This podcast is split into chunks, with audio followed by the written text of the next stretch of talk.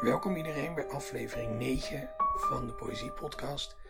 Mijn naam is Daan Doesborg en ik zit niet in Splendor en ook niet in de Tolhuistuin, maar gewoon thuis. Want dit is een bijzondere aflevering. Dit is deel 1 van 6 live registraties die naast de reguliere afleveringen als speciale extra content voor jullie online komen. Dit is een gesprek dat ik in januari had in Splendor met Simon Mulder. Voordat we naar Splendor gaan, ga ik jullie eerst eventjes doneren aan Michiel IJsbouts, die een korte reclameboodschap voor jullie heeft, zodat ik deze extra reeks kan financieren. En daarna gaan we meteen door naar Splendor. Deze podcast is mede mogelijk gemaakt door De Quiz op Maat, Poëzieavond, Pingpongtoernooi of Pluimveesectoroverlegdag. De Quiz op Maat maakt een quiz op maat voor elk publiek en over elk onderwerp. Kijk op dequizopmaat.nl. Over naar jou, Daan. Mag ik voor nu een heel hartelijk applaus voor Simon Mulder.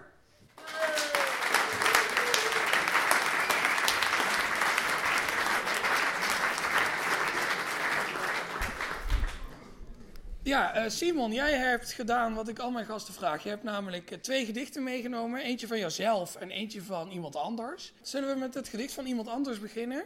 Uiteraard. Oké. Het is een uh, gedicht dat mij zeer na is. Een sonnet van Willem Kloos. Nauw zichtbaar, wiegen op een lichte zucht de witte bloesems in de schemering.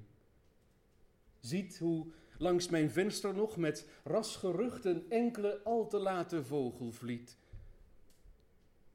En ver, daar ginds, die zacht gekleurde lucht als perlemoer, waar iedere tint vervliet in teerheid. Rust, o wondervreemd genucht, want alles is bij dag zo innig niet. Alle geluid dat nog van verre sprak, verstierf. De wind, de wolken, alles gaat al zacht en zachter. Alles wordt zo stil. En ik weet niet hoe thans dit hart, zo zwak, dat al zo moe is, altijd luider slaat, altijd maar luider en niet rusten wil.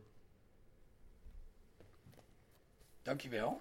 Vooropgesteld dat ik een ontzettende liefhebber van uh, Close ben, ben ik natuurlijk ook compleet verloren voor een normaal leven uh, zonder poëzie. Dus kan jij misschien uitleggen waarom we uh, nu nog, want de poëzie van Close is natuurlijk in al zijn schoonheid best wel gedateerd, waarom we nu nog Willem Close moeten lezen eigenlijk? Close is in die zin niet gedateerd dat hij zich een meester toont in het sonnet. Niet alleen in de vorm uh, van het sonnet, uh, zo'n 14-regelig gedicht zoals u nu hebt gehoord, maar ook in de inhoud. Hij weet zijn individuele, emotionele beleving op zo'n universele manier neer te zetten, zonder dat hij aan individualiteit uh, verliest. En dat doet hij ook op een prachtige manier, vind ik, door alle retorische trucs die er binnen de poëzie bestaan. Klank, rijm, de aaneenreiging van beelden. Ja, door die allemaal in te zetten op het juiste moment en in de juiste hoeveelheid. Ja, nou, nu dat ik dan e eerst even een soort vraag gesteld heb waarin ik badinerende voor Close doe om jou een gepassioneerd antwoord te ontlokken, kan ik je nu ook wel een beetje bijval geven. Namelijk dat ik, ik vind ook dat hij heel doeltreffend uh, zijn beelden kiest. Iedereen die wel eens een keer zo'n beetje zo'n lome zomeravond heeft uh, meegemaakt en dit gedicht leest, die, die herkent die sfeer. En die kan vervolgens vanuit die herkenning natuurlijk mee in Close, die dan vervolgens zijn, zijn dichterlijke, getroubleerde hart, hè, dat, dat maar niet tot bedaren wil komen, op tafel legt. die, die kan dan dat vervolgens met hem meevoelen. Of praat ik nu complete onzin over Kloos die jou tegen de borst stuit. Uh, daar ben ik het mee eens, uh, jazeker. Ja. Uh, en dan niet alleen meevoelen, maar het is dus niet alleen universeel, want dat kunnen we allemaal. We kunnen allemaal zeggen, god wat ben ik verliefd of treurig. Of, maar hij doet het op zijn eigenste manier. En dat juist die individuele gevoelens die hij heeft, dat hij die universeel kan maken, dat is eigenlijk de truc. Ja. Ja. De, hoe was de quote van Gorter ook alweer? Eh, de allerindividueelste expressie van de allerindividueelste emotie. Ja. Ja. Gorter en Kloos zijn, zijn, ik heb Gorter er nu met uh, weinige haren, of met de vlezige lippen bij uh, gesleept. zijn allebei wel mensen die in jouw poëzie ook best wel een weerslag hebben gevonden op een manier die misschien anders is dan zoals dat bij de meeste dichters gebeurt. Kan jij met een gedicht van jezelf een soort voorbeeld geven van de weerslag die zij op jouw werk hebben? Want dat heb je ook meegenomen, geloof ik. Dat klopt, ja. Um, ik draag ook een sonnet voor. Ik schrijf ook wel andere gedichten uh, gebruik wel andere versvormen dan het sonnet, maar dat past goed bij wat ik net heb gedaan. Uh, uit avant-garde, handgemaakt poëzie, periodiek voor de vormvaste dichtkunst. Vandaar dus dat ik daar ook een sonnet in heb uh, gepubliceerd. het is een gedicht dat recentelijk ook op muziek is gezet. Dat is het aardige van die vormvaste dichtkunst ook. Het laat zich heel mooi toonzetten. Maar ik zal het nu gewoon voordragen.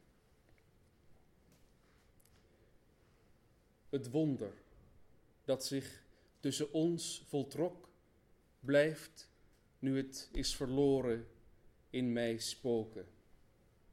Ooit vrolijk in vergeefse hoop gedoken, denk ik aan wat ons in de schaduw trok. Plots raakten we ten prooi aan spot en wrok en van vergeving en verweer verstoken en alles halverwege afgebroken, veroordeeld tot leven tegen de klok. Want nu ik onomkeerbaar heb gefaald, keert alles steeds om één punt in de tijd.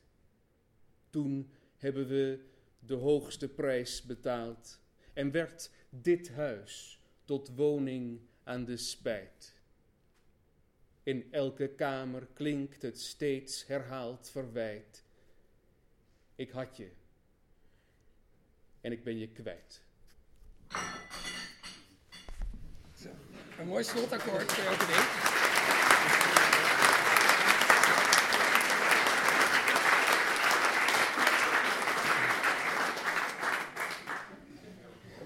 Ja, het, het, um, het is al duidelijk dat jij een, een hele klassieke poëtica aanhangt, maar ik ben heel vaak heel geraakt door jouw gedichten. Ik weet nog wel dat ik zelf in zo'n soort situatie zat waarin ik uh, dacht, hè, ik had je, maar ik ben je kwijt.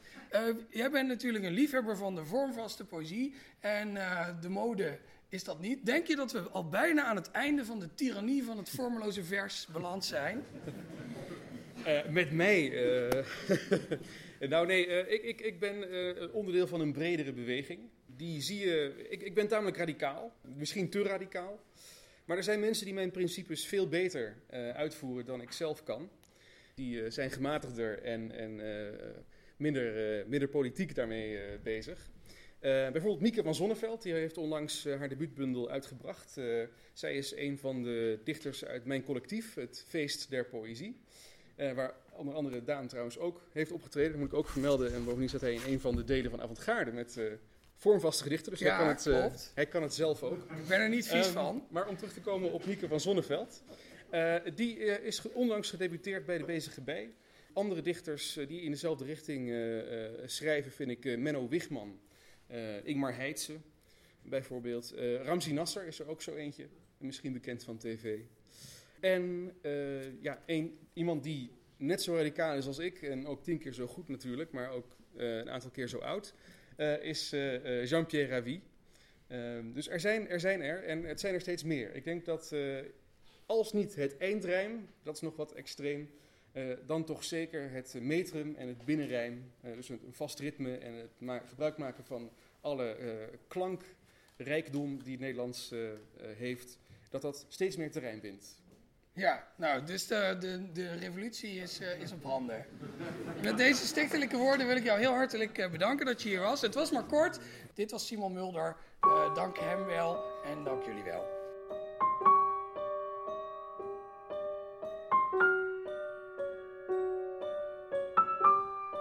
Dit was aflevering 9 van de Poëzie Podcast. Die wordt gemaakt door mij, Daan Doeksborg, in samenwerking met de Stichting Literaire Activiteiten Amsterdam en Vrij Nederland. Graag tot de volgende keer.